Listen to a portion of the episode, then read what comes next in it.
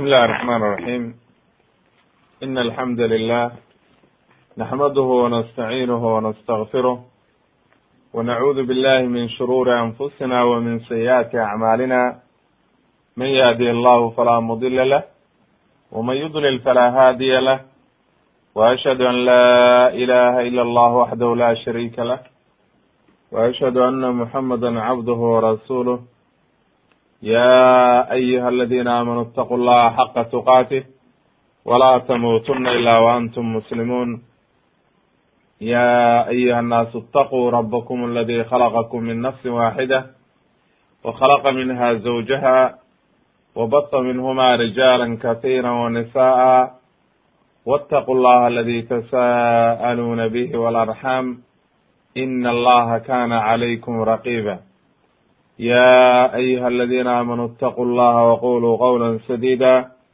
يصلح لكم أعمالكم ويغفر لكم ذنوبكم ومن يطع الله ورسوله فقد فاز فوزا عظيما أما بعد فإن أصدق الحديث كلام الله وخير الهدي هدي محمد صلى الله عليه وسلم وشر الأمور محدثاتها وكل محدثة بدعة وكل بدعة ضلالة wa kula dalaalatin fi nnaar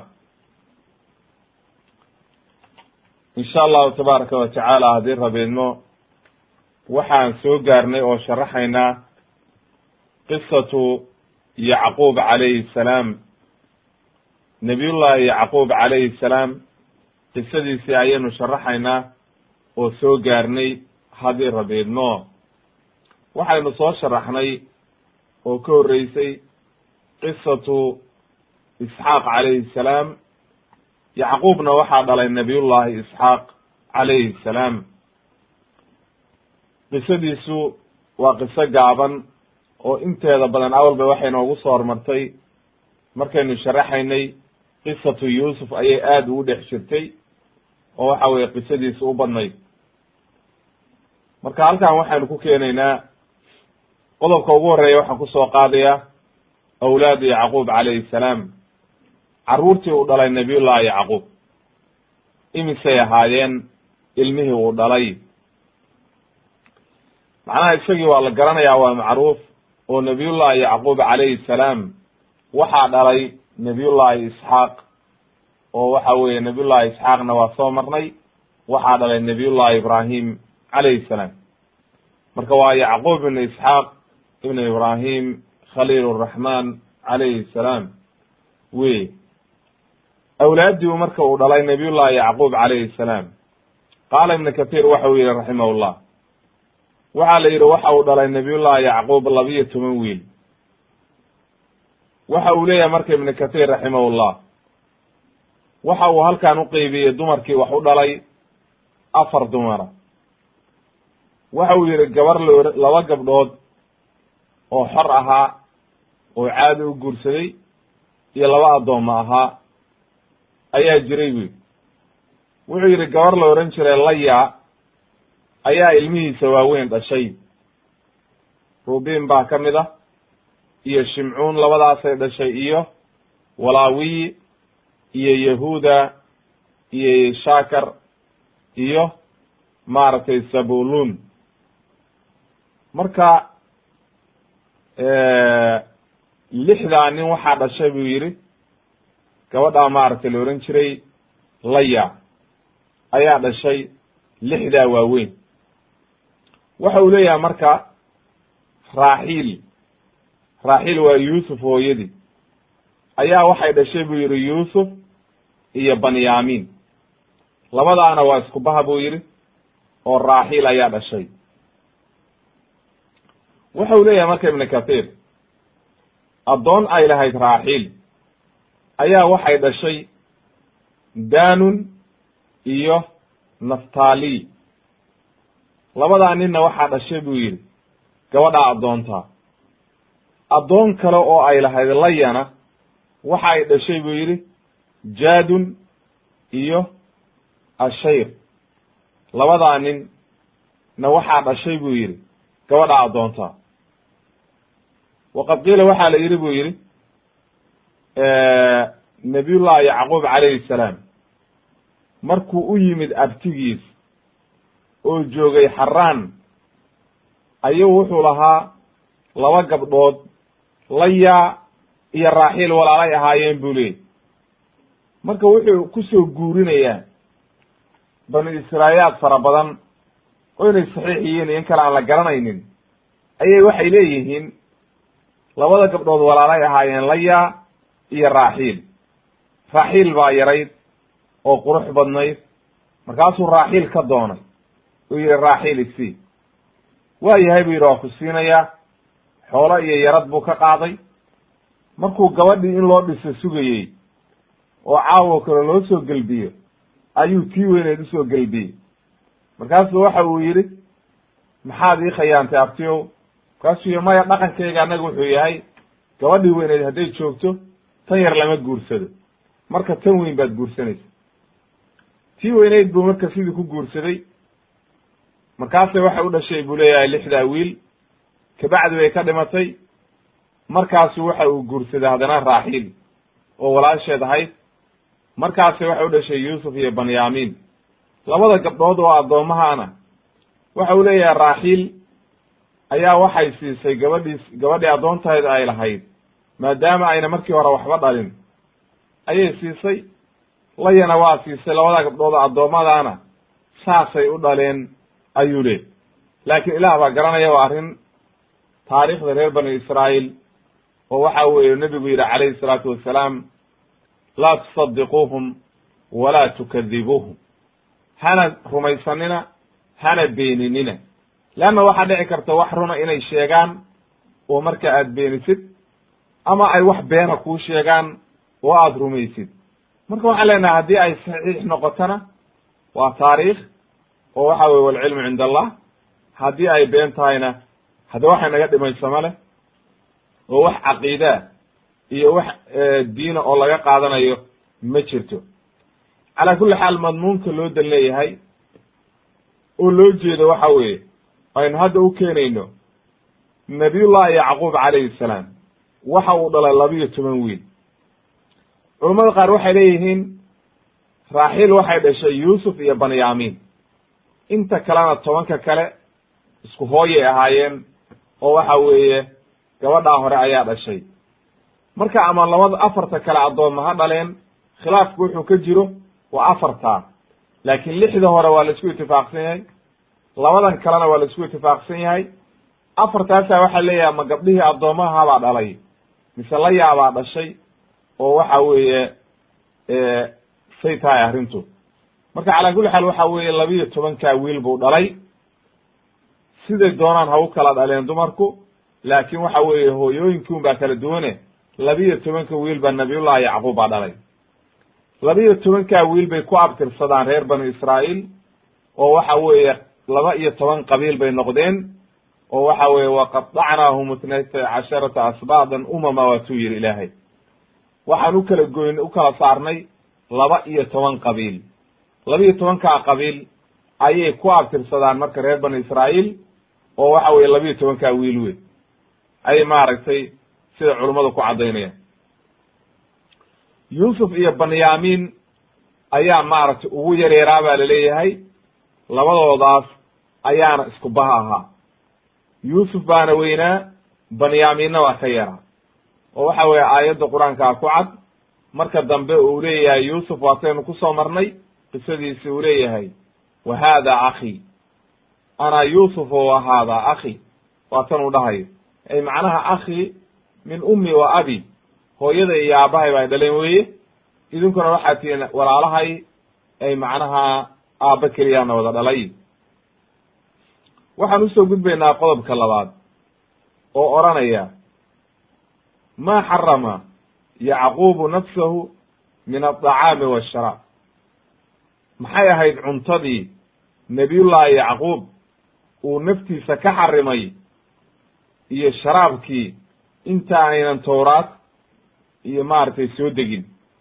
Oo waktigii uu noolaa maxay ahayd cuntadu iska xarimay? Qaala allahu tacala ilahi waxa uu yidhi kulu طacaami kana xila libani israa'iila ila ma xarama israa'iilu calى nafsihi min qabli an tunazla atawra qul faatuu bitawraati fatluuha in kuntum saadiqiin fi suurati ali cimraan ilaahay aayaddaa wuxuu inoogu caddeeyey waxa uu yidhi kullu dacaami cuntada oo dhan cuntoo dhan say u dhan tahay kaana xillan libani israa'iil wax kasta oo la cuno oo ilaahay uu xalaaleeyey reer bani israa'iil. Xalaal bay u ahayd. Wax laga xarimayna ma jirin. Ilaa maa xarama israa'iilu calaa nafsi. Wixii nebiyullaahi israa'iil waa nebiyullaahi yacquub wey. Israa'iil waa addoonkii ilaahay. Cabdullaahi oo kale u dhigantaa baa leyihi waxa weye kelimad maaragtay reer israa'iil maaragtay luuqadoodii isaga ayaa marka la ohan jiray yacquub ayaa la ohan jiray israa'iil naftiisa wixii uu ka xarimay. Xilligaana goormuu ahaa min qabli an tunazala tawra intii aan tawraad la soo dejin oo ayna tawraadi imaan oo nebiyullaahi muuse aan la gaarin. Leanna tawraad waxaa lagu soo dejiyey nebiyullaahi muusa. Nebiyullaahi muusana calayhi salaam waa min duriyati maaragtay yacquub calayhi salaam oo gadaal buu ka yimid oo waa reer banu israa'iil ayuu ka dhashay oo wax badan buu ka dembeeyey nebiyullaahi yuusuf iyo waktigiisii aad buu uga dembeeyey marka min qabli an tunazala tawraat ayaa ayuu iska xarimay. Tawraadna waa ku tiilay leanna ilaahay sidaas waxa uu leeyahay yahuuddii lagu leeyahay qul faatuu bitawraati. Tawraad keena. Ku dheh tawraad la kaalaya fatluuha akriya in kuntum saadiqiin. Haddaad run sheegaysaan way ku caddahay arrintaani tawraadna waa ku cadday. Maaragtay inuu iska xarimay nebiyullaahi yacquub arrimaha soo socda. Xadiis baa caddeeyey arrintan uu nebiyullaahi yacquub iska xarimay. Cabdullahi ibni cabaas baa inoo caddaynayo waxa uu yihi ana alyahuuda qaaluu linabiyi sala allahu alayhi wasalam yahuud baa nebiga u yimid oo waxay ku yidhaahdeen noo sheeg akhbirnaa ay dacaami xarama israa'iilu calaa nafsi min qabli an tunazala tawraa xujay uga dhigayeen madiina waktigii uu nebigu joogay yahuudna ay joogeen ayay u yimaadeen waxay yidhahdeen waxaad noo sheegtaa raashinkii iyo cuntadii uu iska xarimay nebiyullaahi yacquub calayhi salaam israa'iil faqaala nabiyu sala allahu alayhi wasalam ilaahaygii waxa ilaahay baan idinku dhaarinayaa buu yidhi allihii soo dejiyey tawraad. Ayaan idinku dhaarinayaaye nebiyullaahi muusa ku soo dejiyey. Hal taclamuuna ana israa'iil yacquub calayhi salaam nebiyullaahi yacquub calayhi salaam ma og tihiin inuu xanuunsaday maradan shadiidan. Xanuun aad u daran inuu ku dhacay ma og tihiin oo ay aad ugu dheeraatay xanuunkii. Markuu xanuunkii aad ugu dheeraaday fa nadara fa lilah nadran ilaahay buu nadar ka gala wuu nadray. Waxa uu yidhi lain saqaahu allahu tacaala min saqamihi layuxarimana axaba asharaabi ilayhi wa axaba adacaami ilayh haddii ilaahay uu caafiyo oo waxa weeye xanuunka ka qaado waxa uu ku nadray inuu iska xarimayo naftiisa uu ka xarimayo sharaabka ku ugu jecelyahay iyo cuntada ku ugu jecelyahay muxuu ahaa marka cuntada iyo sharaabka muxuu ugu jeclaa nabiyullaahi yacquub. Nadarkii ilaahay waa u oofiyey xanuunkiina ilaahay waa ka qaaday. Waa inuu marka nadarkii oofiyo wey oo nadarkii la yimaado. Leannahu nadarku asalkiisu waajib maaha laakiin haddii aad geshid ood nadarkii geshid waajib bay kugu noqonaysaa inaad oofisid. Oo waxa weeye aada la timaadid oo waxa weye nadarkii aada oofisid. Wuxuu ahaa buu yidhi marka nebiga calayhi salaatu wassalaam cuntada wuxuu ugu jeclaa hilibka geela. Sharaabkana wuxuu ugu jeclaa caanaha geela. Dadku reer miyi baa la ahaa oo waxa weye xoolo dhaqataa la ahaa geele ayuu ugu jeclaa ba la yidhi marka hilibkiisa wax wax la cuno caanihiisana waa jeclaa. Sharaab buu ka dhigan jira markaasuu waxa uu yidhi labadiiba waa iska xarim qaaluu marka waxay yidhahdeen yahuudii gaalaba ha ahaadeene qofka markii la dhaariyo dadkuna been ma sheegi jirin berigii hore. Oo waxa weye beenta aad iyo aad bay iskaga dhaarin iskaga ilaalin jireen khaasatan marka la dhaariyo oo waxa weeye maadaama ay ilaahay aaminsanaayeen oo ahlu kitaab ahaayeen nebiguna waa dhaariyey. Wuxuu yihi marka way hadleen yahuudi o waxay yidhahdeen qaaluu allahuma nacam ilaahay baa ka markaa ilaahay baan uga markhaanti kacaynaa arrintaa inay saxiix tahay oo waxa weeye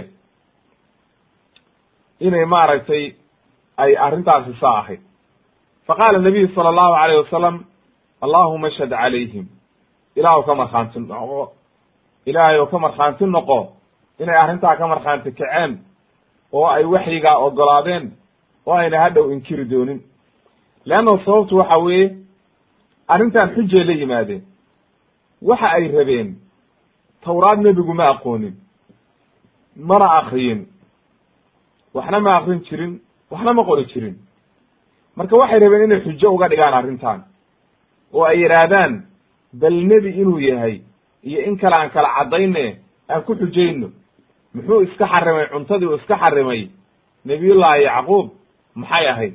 Noo markaasuu nebigu saa ugu sheegay oo u sharaxay. Aayadda qur'aanka iyo xadiidka ayaa caddaynaya marka cuntadii uu iska xarimay waxa ay ahayd geela hilibkiisa iyo caanaha geela xarimay xadiidkana waxaa weriyey imaamu axmed wa saxaxahu sheekh axmed shaakir raximahullah fi musnad imaami axmed ayuu ku saxiixiyey oo waxa weye waa xadiis saxiixa. Halkaa marka waxaynu ka garanay nabiyullahi yacquub calayhi salaam cuntadii uu iska xarimay oo ilaahay uu aayaddaa ku yihi kulu dacaamin kana xilan libani israa'iil ilaa ma xarama israa'iilu calaa nafsi inay ahayd hilibka geela iyo caanaha geela inay ahayd ayaa maarata halkaa inooga caddaa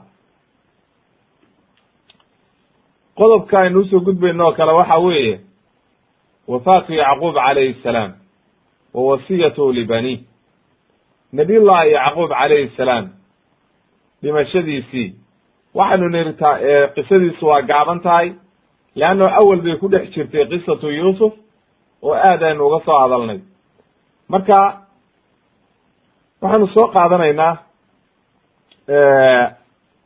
waktigii uu dhimanayey iyo dardaarankii uu la dardaarmay ilmihiisa awlaaddii uu dhalay wiilashiisii ayaynu soo qaadanayna qaala ibnu kahiir raximahullah waxa uu yidhi ibnu isxaaq waxa uu sheegay isagoo ahlu kitaabka ka soo guurinaya ana yacquub aqaama bidiyaari misr waddanka masalan magaalada masr misr la yidhaahdo masra. Oo waxa weeye hadda dee macruufka ah oo waxa weeye maaragtay dad de hadda looba yaqaanba masr ayay markuu yuusuf tegey calayhi salaam waa isagii nabiyullahi yacquub iyo awlaaddiisuba ay yimaadeen markii dambe. Oo kulligood soo wada galeen oo waxa weye ay yimaadeen meesha nabiyullahi yuusufna calayhi salaam waa isagii markaa ahaa madaxnimo iyo wanaag oo dhan gacanta ku hayay. Ilaahayna maaragtay uu nebi nebinimo iyo madaxnimo iyo wax walba isugu daray nabiyullahi yacquub markuu dhimanayay marka ayuu la dardaarmay yuusuf calayhi salaam. Waxa uu ku yidhi haddii aad dhinto igu duug oo iga qaad meeshaano meeshii aabbahay isxaaq iyo awowgay ibraahim ku duugnaayeen halkaa hala igeey oo halkaa igu duug.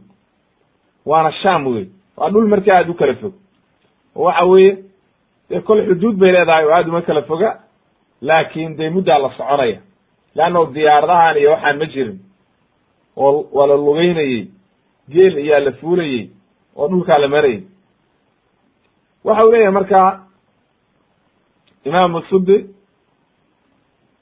fasabarahu wasayarahu ila bilaadi sham fadafanahu maaragtay waxa uu leeyahay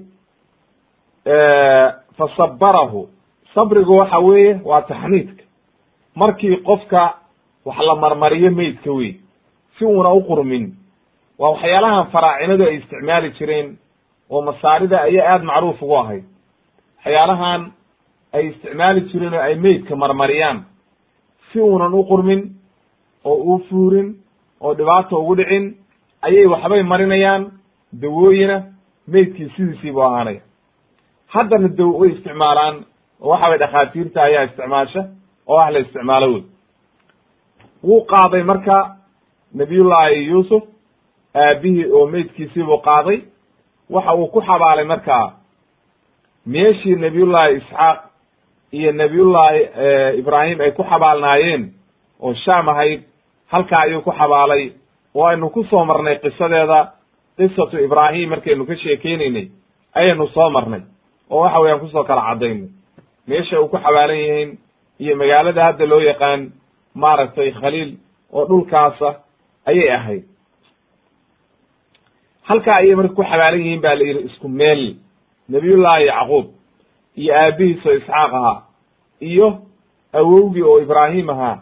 Intuba halkaasay ku xabaalan yihiin ayay maaragtay soo guurinayaan taariikhda iyo maaragtay culummadu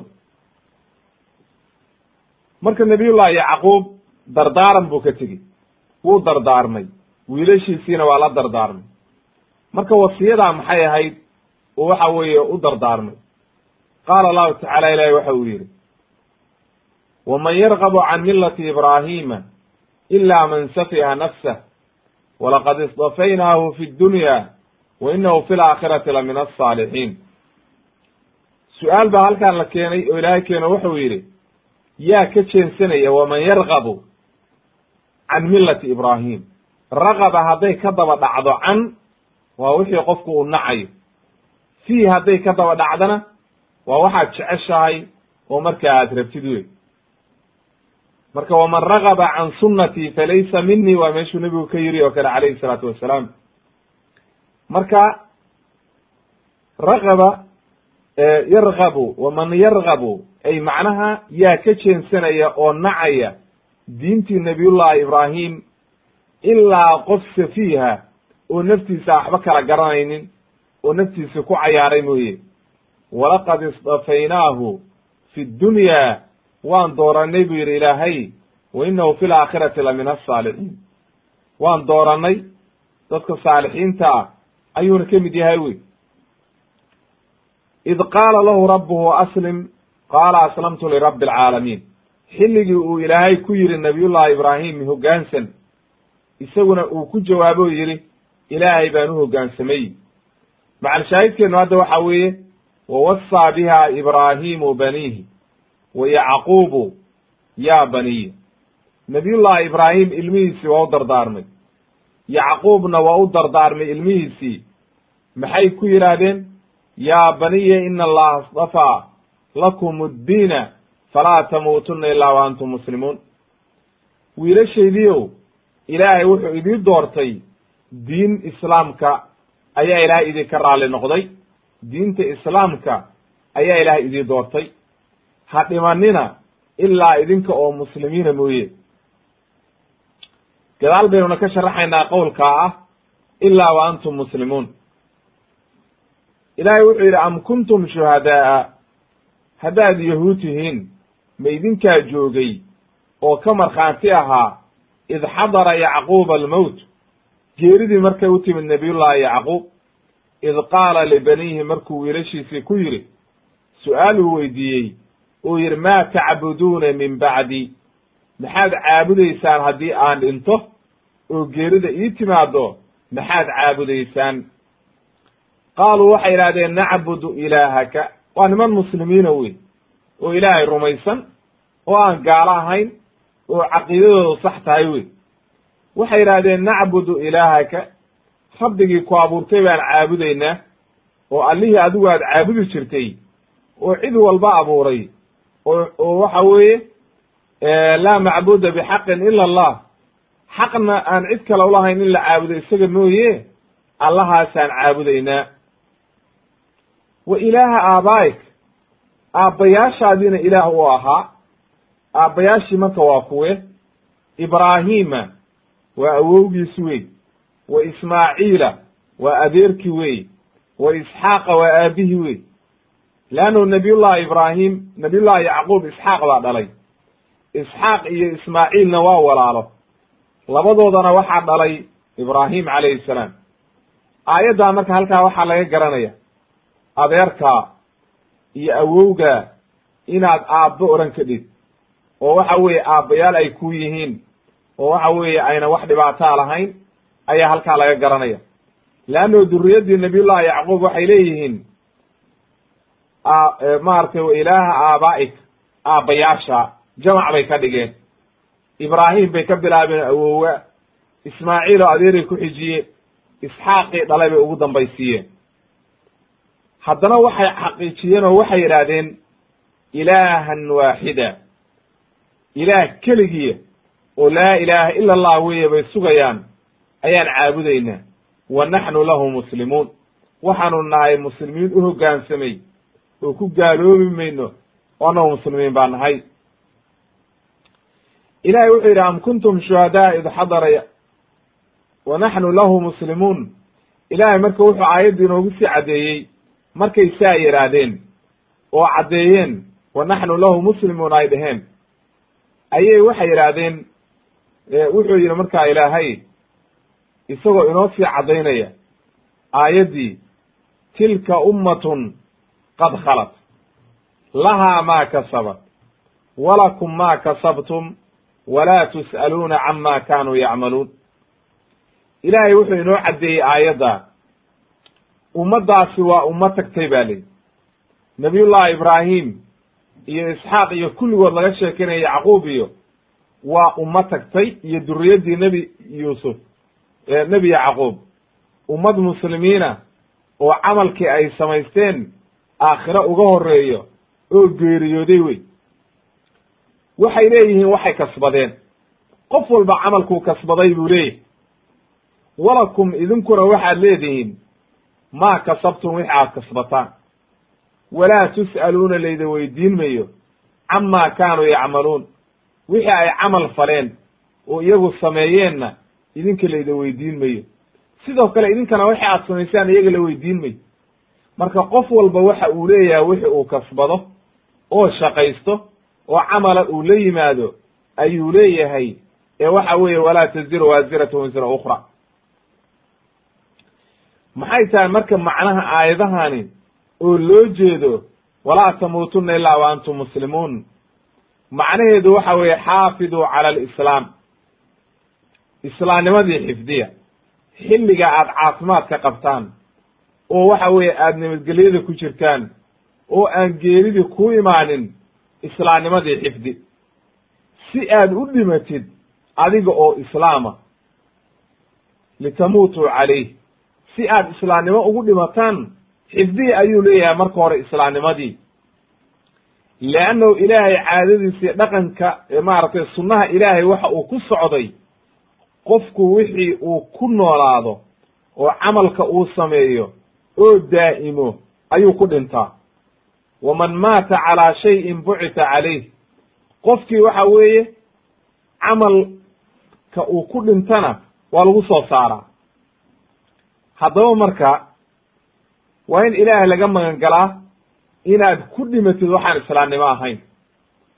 Marka maadaama nabiyullahi yacquub uu saa u faray duriyaddiisii ilaahay innagana waa inoo dardaarmay oo waxaa layna yidhi yaa ayuha aladiina aamanuu itaquu llaha xaqa tuqaatihi walaa tamuutunna ilaa wa antum muslimuun waa laynoo dardaarmay ilaahay baa inoo dardaarmay oo waxau ina yidhi ina amray oo la yidhahaa dhimanina idinka oo muslimiina mooye ilaahay ka baqa baa la yidhi inta kuwiina dad ilaahay rumeeyeyow ilaahay ka cabsada xaq sida uu leeyahay oo si dhaba ilaahay uga cabsada hana dhimanina ilaa idinka oo muslimiina mooye macnaheedu marka waxa weeye ku dhaqan camal diintii islaamka oo si saxa ugu dhaqan si aad u dhimatid adiga oo muslima.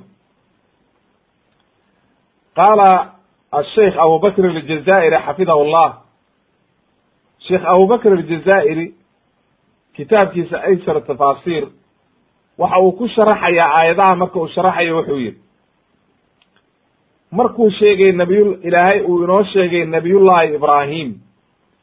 Aayadaha waxaa ka horreysay oo waman yarqabu can millati ibraahima waxaa ka horreysay mawaaqiftii iyo waxa weeye nabiyullahi ibraahim caqiidadiisii saxiixayd iyo ikhlaaskii uu muujiyey camalkii saalixa uu sameeyey iyo ballantiisu uga soo baxay intaasoo dhan baa ka horreysay. Markuu intaasoo dhan ilaahay inoo sheegay ayaa waxaa layna yidhi yaa ka jeensanaya diintaa wanaagsan oo nabiyullahi ibraahim can millati ibraahim. Ay almillati alxaniifa alwaadixati sahla macnaha diintii xaniifka ahayd oo shirkigii o dhan banaanka ka martay oo waxa weeye diin wanaagsan ahayd yaa ka jeensanaya shiikhu wuxuu yidhi marka xafidahu llah allahuma laa axada yargabu ilaa cabdun jahila qadra nafsi ilaa qof jaahila oo aan waxba kala garanaynin. Mooye qof kale oo ka jeensanaya ma jiro. Oo aan garanaynin qof macnaha kala garan waaye waxa wanaagga iyo waxa fiican un baa ka jeensanaya leanno sababtu waxa weeye khayr oo dhan baa ku jiray. Wanaag oo dhan baa ku jiray. Ilaahay baa doortay oo diin ahaan uga raali noqday. Haddana markaasuu ilaahay wuxuu inoo sheegay inuu ilaahay doortay nabiyullahi ibraahim iyo waxa weeye maaragtay duriyaddiisiiba kabacdi haddana waxaa lainoo sheegay oo lagu oogay xujadii mushrikiintii nimankii ahlu kitaabka ah iyo mushrikiintiiba xujadii baa lagu oogay oo waxaa la yidhi diintii nebi ibraahim diintaa xaniifkaa bay ahayd oo ku taagnayd caqiide iyo waxa weeye tawxiid saxiixa saasuuna ilmihiisii u dardaarmay. Haddaad marka idinku nebi ibraahim aada raacaysaan oo aad leedihiin nebi ibraahim baan ku abtirsanaynaa oo waxa weeye diintiisii baan haysanaa hadda raaca waaye. Haddii kalena shaqo kuma lihidin. Sidoo kale nebiyullahi yacquubna duriyaddiisiibuu u dardaarmay oo waxa uu ku yidhi ha dhimanina idinka oo islaamnimo ku dhimanaya mooye.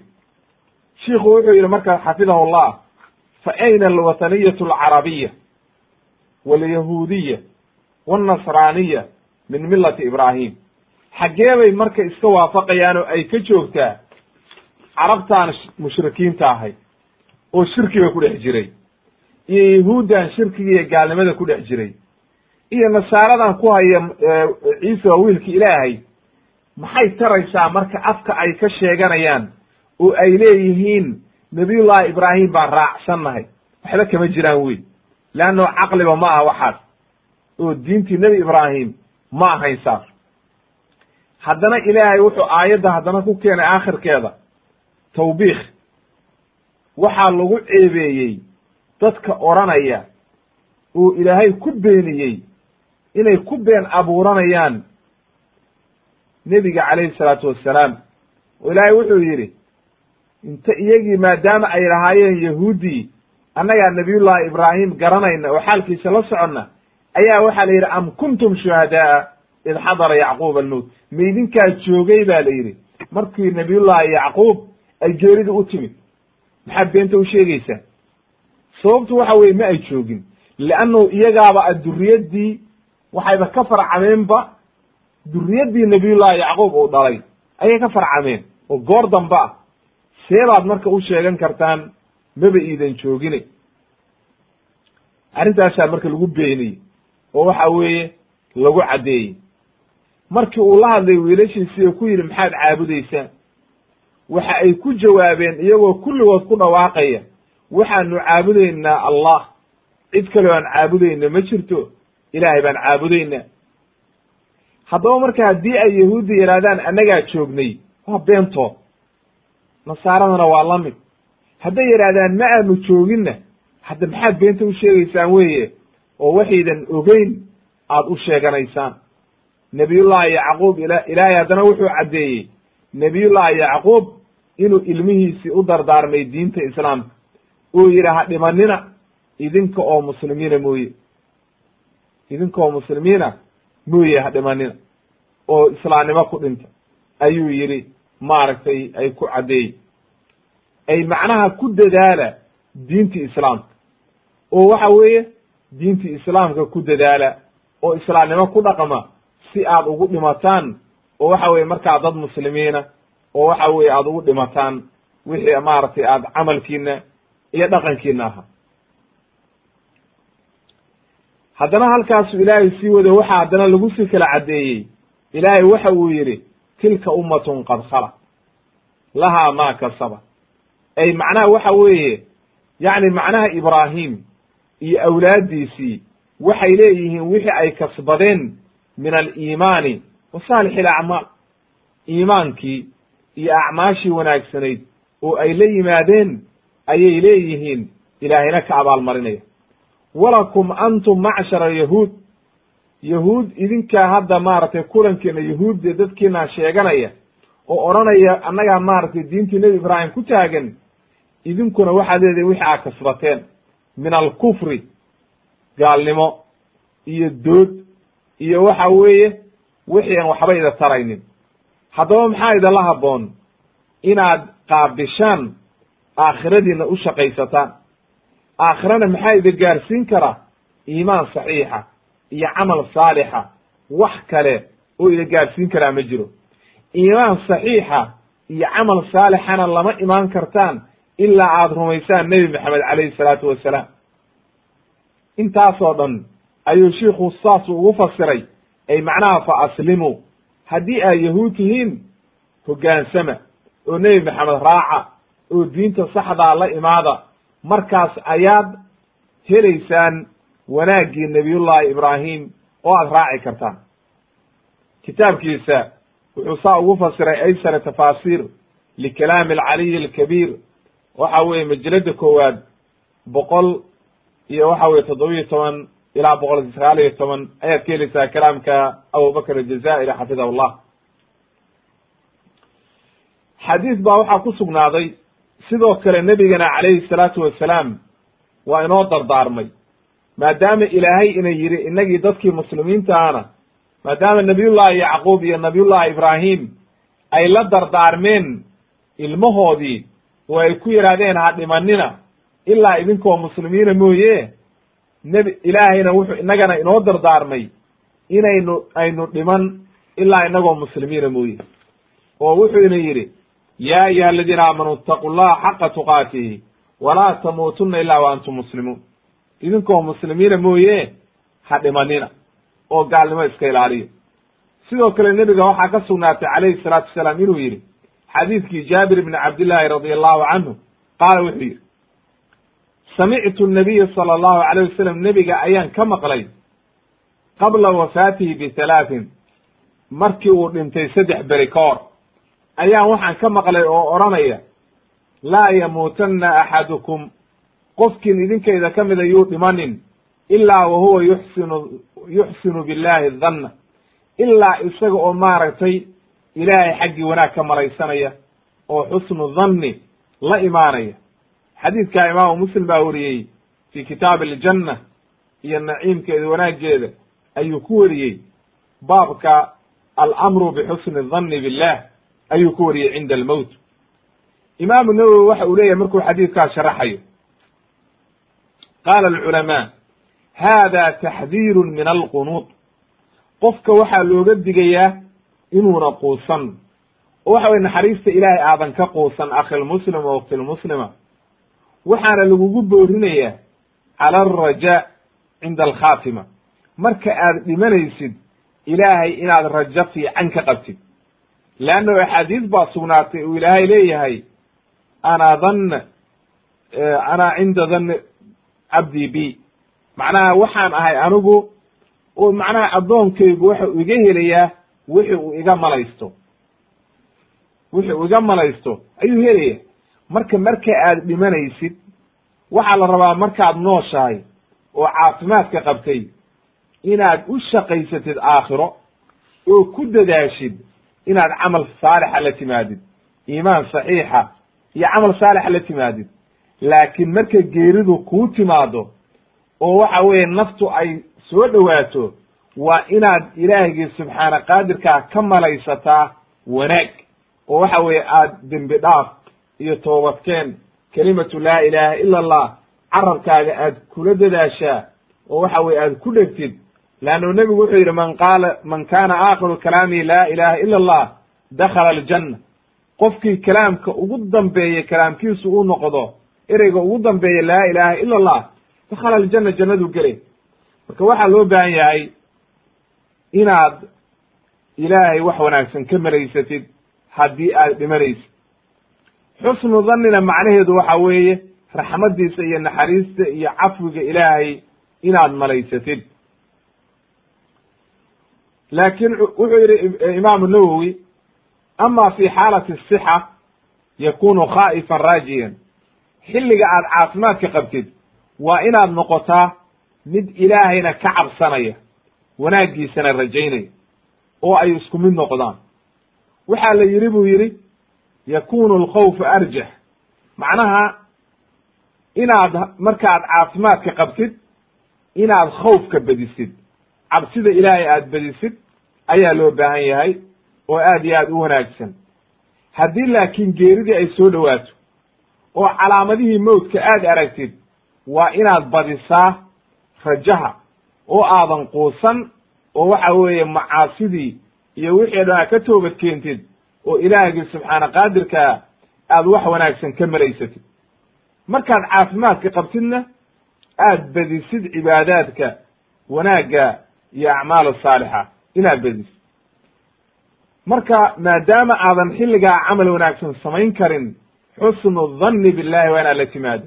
Sidaas daraaddeed baa waxaa ka sugnaatay nebiga calayhi salaatu wassalaam wiil yar oo waxa weye dhimanaya inuu nebigu u tegey oo markaa yidhi maxaad malaysanaysa wuxuu yidhi ilaahayga subxaana qaadirkaana waan ka cabsanayaa oo macaasidii aan galay dunuubtii waan ka cabsanayaa ilahayna waxaan ka malaysanayaa wax wanaagsan jannadiisa iyo wanaaggiisana ilahay baan ka malaysanaya oo ka rajaynaya nebigu wuxuu yidhi qofka mu'minkaa labadaa arrimood hadday qalbigiisa soo wada galaan ilaahay wuu ka nabadgelayaa wixii uu ka cabsanayey wixii uu rajaynayeyna waa siiyaa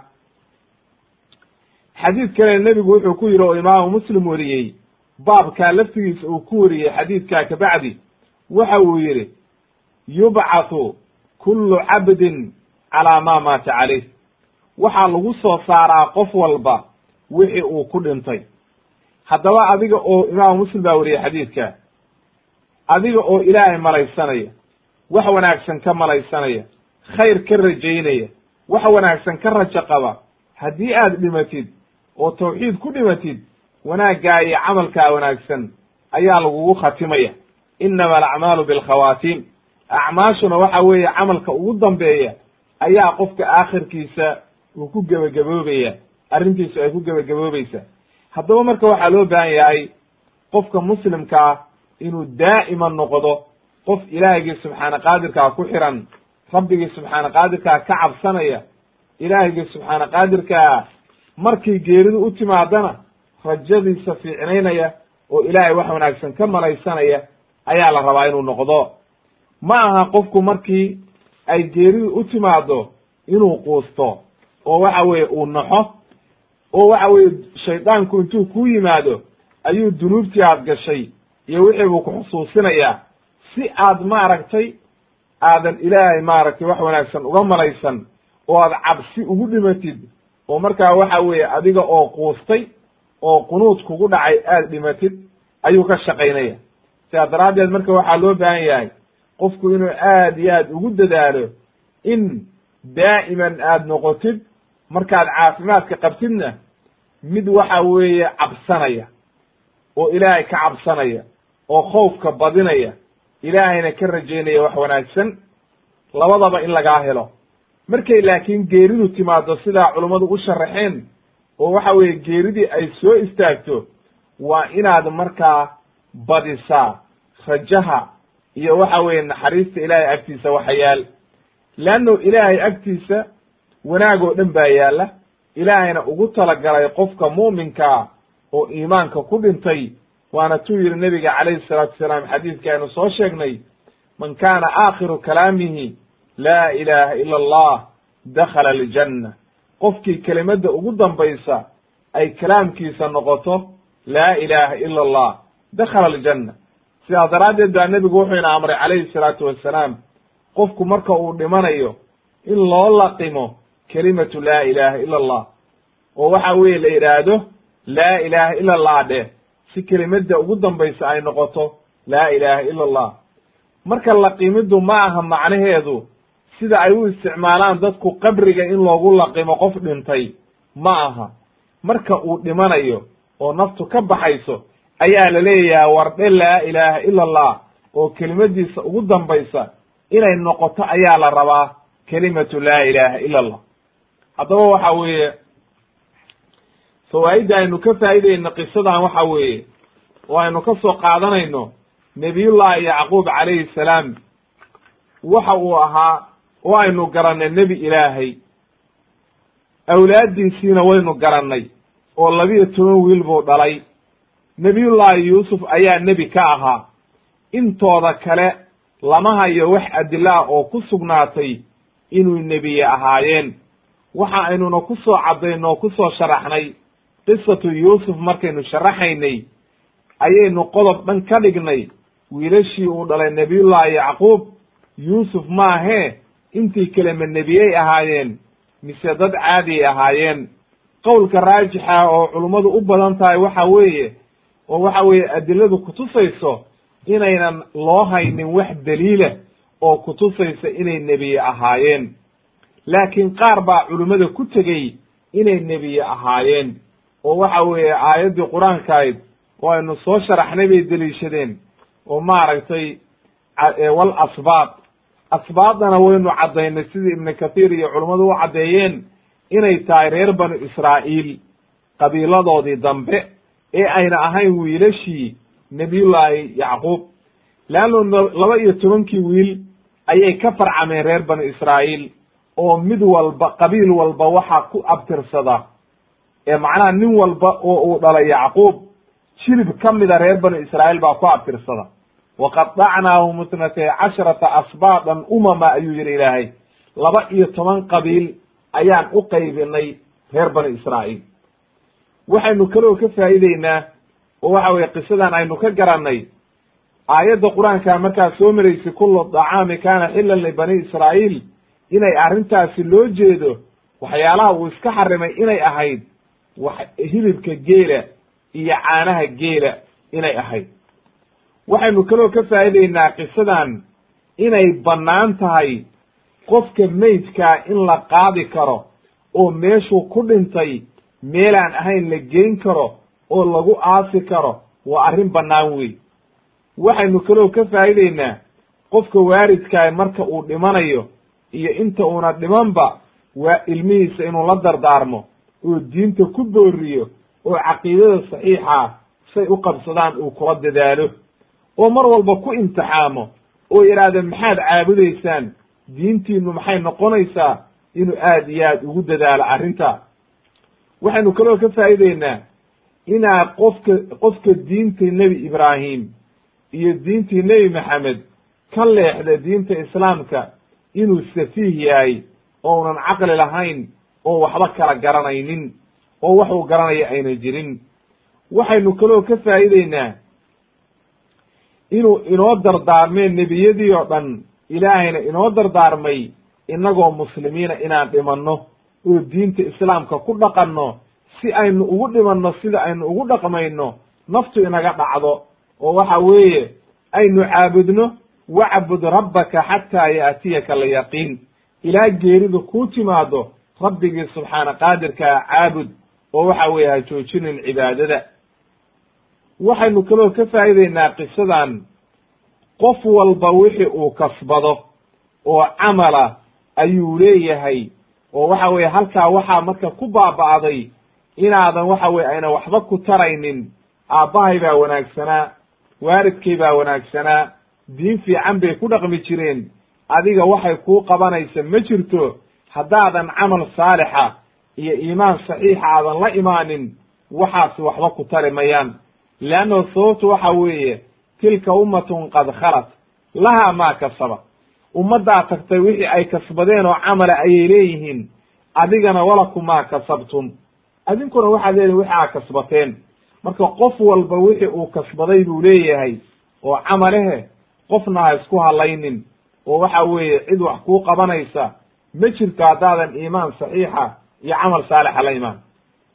Ugu dambayntii waxaan ka faa'ideynaa markay geeridu kuu timaado inaad xusnu dhanni la timaadid oo aad rajaha ilaahay badisid oo aad iyo aad maaragtay rajo fiican aad ka qabsid ilaahay xaggii oo aadan quusan oo quus kugu dhicin akhilmuslim oo waqtilmuslima leanno ma wanaagsana inaad naxariista ilaahay ka quusatid. Waatuu ilahay laha waman yaqnudu min raxmati rabbi ila alqawm ila adaaluun qof baadiyoobay oo dhumay ayaa naxariista ilaahay ka quusta marka yaan laga quusanin naxariista ilaahay.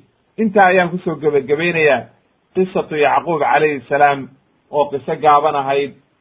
Marka insha allahu tabaaraka wa tacaala waxaana inoogu xigi doontaa qisatu ayub calayhi salaam ninkii sabirka badnaa oo waxa weye aada u sabray ayaa inoogu xigi doonaa haddii rabbi idmo insha allahu tabaaraka watacaala marka intaa ayaan ku soo gebagabaynayaa wax alla wixii khaladana ilahay baan uga toobad keenayaa. Wax alla wixii saxana ilaahay baan ku shukurnaqayaa idinkana qof walbo ka faa'iidaysanayana ilaahay ha ka dhiga aladiina yastamicuuna alqawla fayatabicuuna axsana. Wa subxaanaka allahuma wabixamdika ashhadu an laa ilaha illa anta astaqfiruka wa ilayk. والحamdu للh رb العاalمين